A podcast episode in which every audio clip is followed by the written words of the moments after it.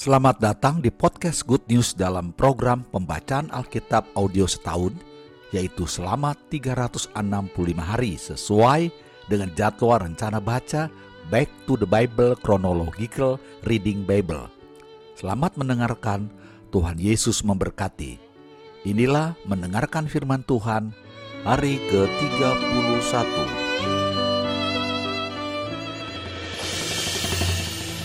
Keluaran pasal 4 ayat 1 sampai 17.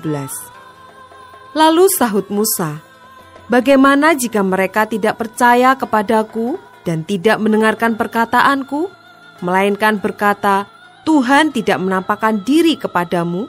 Tuhan berfirman kepadanya, Apakah yang di tanganmu itu? Jawab Musa, Tongkat, firman Tuhan, lemparkanlah itu ke tanah dan ketika dilemparkannya ke tanah, maka tongkat itu menjadi ular, sehingga Musa lari meninggalkannya. Tetapi firman Tuhan kepada Musa, "Ulurkanlah tanganmu dan peganglah ekornya." Musa mengulurkan tangannya, ditangkapnya ular itu, lalu menjadi tongkat di tangannya. Supaya mereka percaya bahwa Tuhan, Allah nenek moyang mereka, Allah Abraham, Allah Ishak dan Allah Yakub telah menampakkan diri kepadamu. Lagi firman Tuhan kepadanya, Masukkanlah tanganmu ke dalam bajumu. Dimasukkannya tangannya ke dalam bajunya. Dan setelah ditariknya keluar, maka tangannya kena kusta, putih seperti salju. Sesudah itu firmannya, Masukkanlah tanganmu kembali ke dalam bajumu Musa memasukkan tangannya kembali ke dalam bajunya, dan setelah ditariknya keluar, maka tangan itu pulih kembali seperti seluruh badannya. Jika mereka tidak percaya kepadamu dan tidak mengindahkan tanda mujizat yang pertama, maka mereka akan percaya kepada tanda mujizat yang kedua.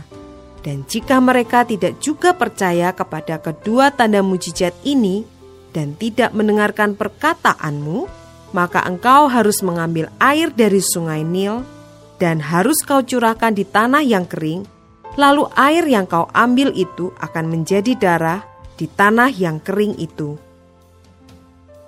Lalu kata Musa kepada Tuhan, "Ah Tuhan, aku ini tidak pandai bicara. Dahulu pun tidak dan sejak engkau berfirman kepada hambamu pun tidak. Sebab aku berat mulut dan berat lidah." Tetapi Tuhan berfirman kepadanya, Siapakah yang membuat lidah manusia? Siapakah yang membuat orang bisu atau tuli? Membuat orang melihat atau buta? Bukankah aku, yakni Tuhan? Oleh sebab itu pergilah, aku akan menyertai lidahmu dan mengajar engkau apa yang harus kau katakan. Tetapi Musa berkata, Ah Tuhan, utuslah kiranya siapa saja yang patut kau utus. Maka bangkitlah murka Tuhan terhadap Musa dan ia berfirman, Bukankah di situ Harun, orang Lewi itu kakakmu? Aku tahu bahwa ia pandai bicara. Lagi pula ia telah berangkat menjumpai engkau. Dan apabila ia melihat engkau, ia akan bersuka cita dalam hatinya. Maka engkau harus berbicara kepadanya dan menaruh perkataan itu ke dalam mulutnya aku akan menyertai lidahmu dan lidahnya, dan mengajarkan kepada kamu apa yang harus kamu lakukan. Ia harus berbicara bagimu kepada bangsa itu. Dengan demikian, ia akan menjadi penyambung lidahmu, dan engkau akan menjadi seperti Allah baginya. Dan bawalah tongkat ini di tanganmu, yang harus kau pakai untuk membuat tanda-tanda mujizat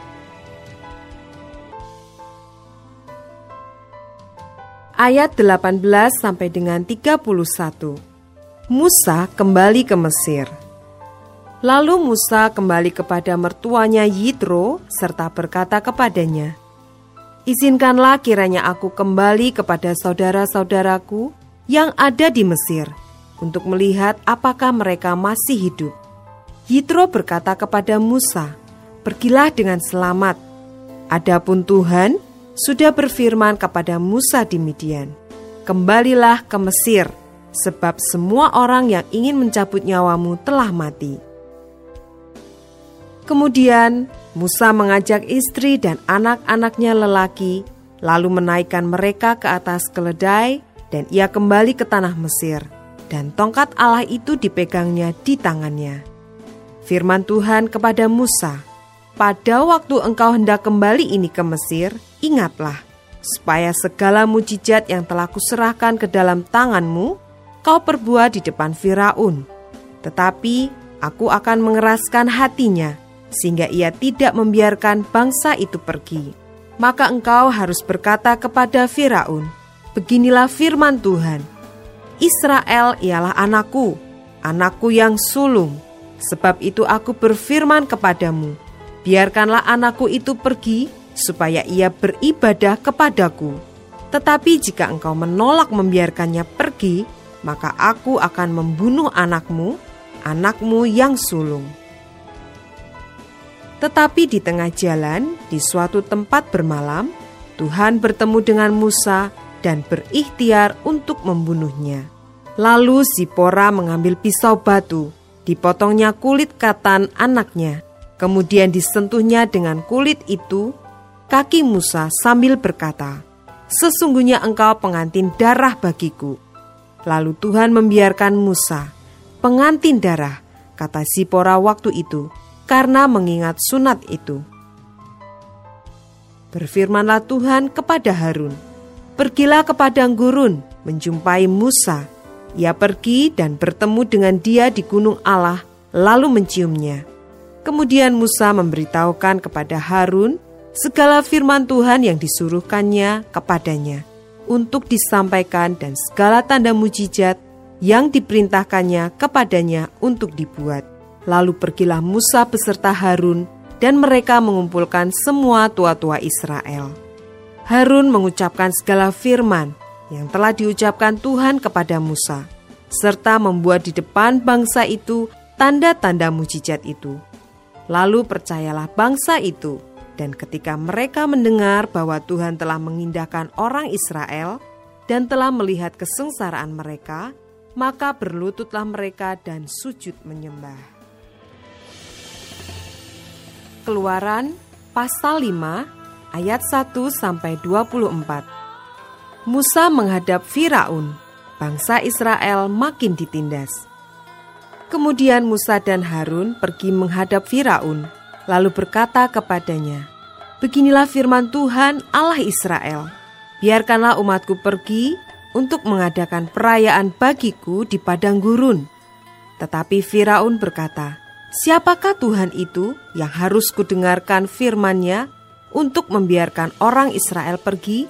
Tidak kenal aku Tuhan itu, dan tidak juga aku akan membiarkan orang Israel pergi. Lalu kata mereka, Allah orang Ibrani telah menemui kami. Izinkanlah kiranya kami pergi ke padang gurun tiga hari perjalanan jauhnya untuk mempersembahkan korban kepada Tuhan Allah kami, supaya jangan nanti mendatangkan kepada kami penyakit sampar atau pedang. Tetapi Raja Mesir berkata kepada mereka, Musa dan Harun, mengapakah kamu bawa-bawa bangsa ini melalaikan pekerjaannya? Pergilah melakukan pekerjaanmu. Lagi kata Firaun, lihat, sekarang telah terlalu banyak bangsamu di negeri ini. Masakan kamu hendak menghentikan mereka dari kerja paksanya? Pada hari itu juga, Firaun memerintahkan kepada pengerah-pengerah bangsa itu dan kepada mandur-mandur mereka sendiri, "Tidak boleh lagi kamu memberikan jerami kepada bangsa itu untuk membuat batu bata, seperti sampai sekarang. Biarlah mereka sendiri yang pergi mengumpulkan jerami, tetapi jumlah batu bata yang harus dibuat mereka sampai sekarang, bebankanlah itu juga kepada mereka, dan jangan menguranginya." karena mereka pemalas. Itulah sebabnya mereka berteriak-teriak, "Izinkanlah kami pergi mempersembahkan korban kepada Allah kami." Pekerjaan orang-orang ini harus diperberat, sehingga mereka terikat kepada pekerjaannya dan jangan mempedulikan perkataan dusta. Maka para pengerah bangsa itu dan para mandurnya pergi dan berkata kepada mereka, "Beginilah kata Firaun: Aku tidak memberi jerami lagi kepadamu. Pergilah kamu sendiri mengambil jerami di mana saja kamu mendapatnya, tetapi pekerjaanmu sedikit pun tidak boleh kurang. Lalu berseraklah bangsa itu ke seluruh tanah Mesir untuk mengumpulkan tunggul gandum sebagai pengganti jerami. Dan pengerah-pengerah itu mendesak mereka dengan berkata, Selesaikan pekerjaanmu, yaitu tugas sehari, seperti pada waktu ada jerami Lalu pengerah-pengerah Firaun memukul mandur-mandur Israel yang mereka angkat sambil bertanya, "Mengapakah kamu pada hari ini tidak menyelesaikan jumlah batu bata yang harus kamu buat seperti kemarin?" Sesudah itu pergilah para mandur Israel kepada Firaun dan mengadukan halnya kepadanya. Mengapakah tuanku berlaku seperti itu terhadap hamba-hambamu ini jerami tidak diberikan lagi kepada hamba-hambamu ini. Tetapi walaupun begitu kami diperintahkan buatlah batu bata. Dan dalam pada itu hamba-hambamu ini dipukuli, padahal rakyat tuankulah yang bersalah. Tetapi ia berkata, pemalas kamu, pemalas. Itulah sebabnya kamu berkata, izinkanlah kami pergi mempersembahkan korban kepada Tuhan. Jadi sekarang, pergilah bekerja. Jerami tidak akan diberikan lagi kepadamu, tetapi jumlah batu bata yang sama harus kamu serahkan. Maka mengertilah para mandur Israel bahwa mereka ada dalam keadaan susah, karena dikatakan kepada mereka, "Kamu tidak boleh mengurangi jumlah batu bata pada tiap-tiap hari." Waktu mereka meninggalkan Firaun, berjumpalah mereka dengan Musa dan Harun yang sedang menantikan mereka. Lalu mereka berkata kepada keduanya, Kiranya Tuhan memperhatikan perbuatanmu dan menghukumkan kamu, karena kamu telah membusukkan nama kami kepada Firaun dan hamba-hambanya, dan dengan demikian kamu telah memberikan pisau kepada mereka untuk membunuh kami. Lalu Musa kembali menghadap Tuhan, katanya, Tuhan, mengapakah kau perlakukan umat ini begitu bengis? Mengapa pula aku yang kau utus? Sebab sejak aku pergi menghadap Firaun untuk berbicara atas namamu, dengan jahat diperlakukannya umat ini, dan engkau tidak melepaskan umatmu sama sekali. Tetapi Tuhan berfirman kepada Musa, Sekarang engkau akan melihat apa yang akan kulakukan kepada Firaun, sebab dipaksa oleh tangan yang kuat, ia akan membiarkan mereka pergi. Ya, dipaksa oleh tangan yang kuat, ia akan mengusir mereka dari negerinya.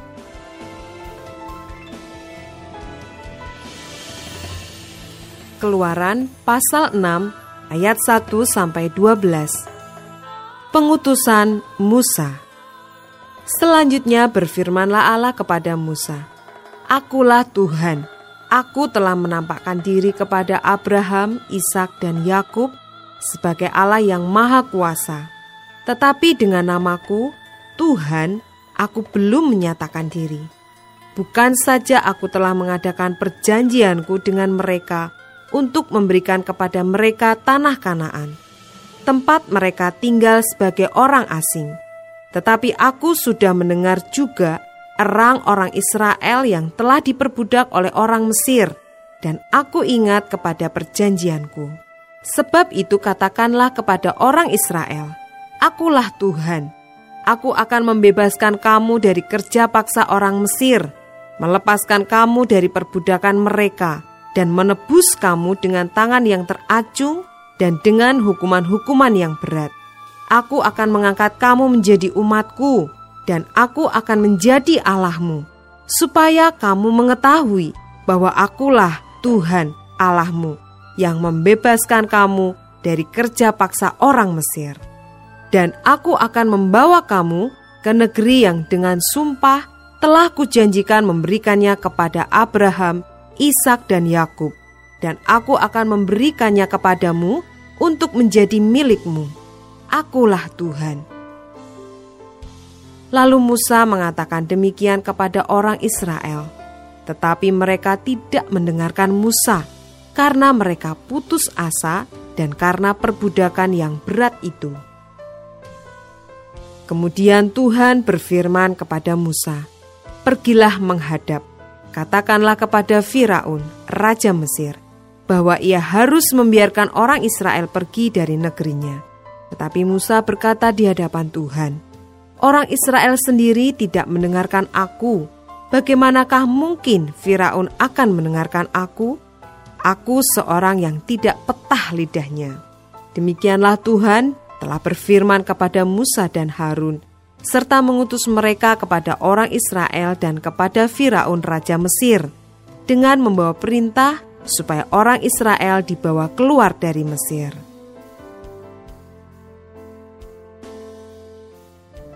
Ayat 13 sampai dengan 26.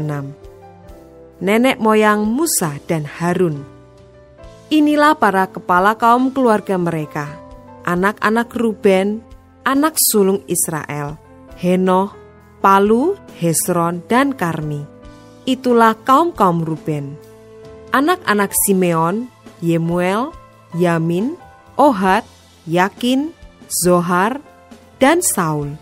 Anak seorang perempuan Kanaan, itulah kaum-kaum Simeon. Inilah nama anak-anak Lewi menurut urutan kelahirannya. Gerson, Kehat, dan Merari. Umur Lewi 137 tahun. Anak-anak Gerson, Libni, dan Simei menurut kaum mereka. Anak-anak Kehat, Amram, Zishar, Hebron, dan Uziel. Umur Kehat 133 tahun. Anak-anak Merari, Mahli dan Musi, itulah kaum-kaum Lewi menurut urutannya dan Amram mengambil Yokebet, saudara ayahnya, menjadi istrinya, dan perempuan ini melahirkan Harun dan Musa baginya. Umur Amram 137 tahun. Anak-anak Gizar, Korah, Nefek, dan Zikri. Anak-anak Uziel, Misael, Elsafan, dan Sitri. Dan Harun mengambil Eliseba, anak perempuan Aminadab, saudara perempuan Nahason, menjadi istrinya, dan perempuan ini melahirkan baginya Nadab, Abihu, Eleazar, dan Itamar. Anak-anak Korah, Asir, Elkana, dan Abiasap. Itulah kaum-kaum orang Korah. Eleazar, anak Harun, mengambil salah seorang anak perempuan, Putiel, menjadi istrinya, dan perempuan ini melahirkan Pinehas baginya. Itulah para kepala kaum keluarga orang Lewi menurut kaum mereka. Itulah Harun dan Musa yang diperintahkan Tuhan. Bawalah orang Israel keluar dari tanah Mesir menurut pasukan mereka. Merekalah yang berbicara kepada Firaun, raja Mesir, supaya mereka membawa orang Israel keluar dari Mesir. Itulah Musa dan Harun. ayat 27 sampai dengan 29. Musa menghadap Firaun. Pada waktu Tuhan berfirman kepada Musa di tanah Mesir, Tuhan berfirman kepadanya, Akulah Tuhan, katakanlah kepada Firaun Raja Mesir, segala yang kufirmankan kepadamu. Tetapi Musa berkata di hadapan Tuhan, Bukankah aku ini seorang yang tidak petah lidahnya Bagaimanakah mungkin Firaun akan mendengarkan aku?